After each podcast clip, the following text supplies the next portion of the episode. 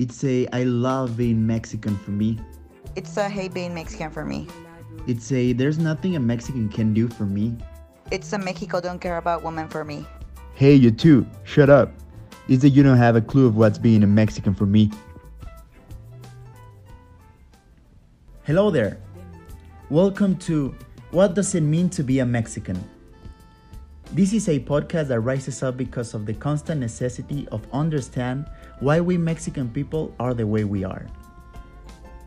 Among the different episodes, you will hear comparisons between Mexico and different countries all over the world. In order to point out similarities, but also some differences.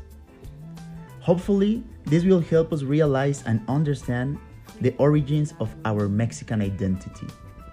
Welcome.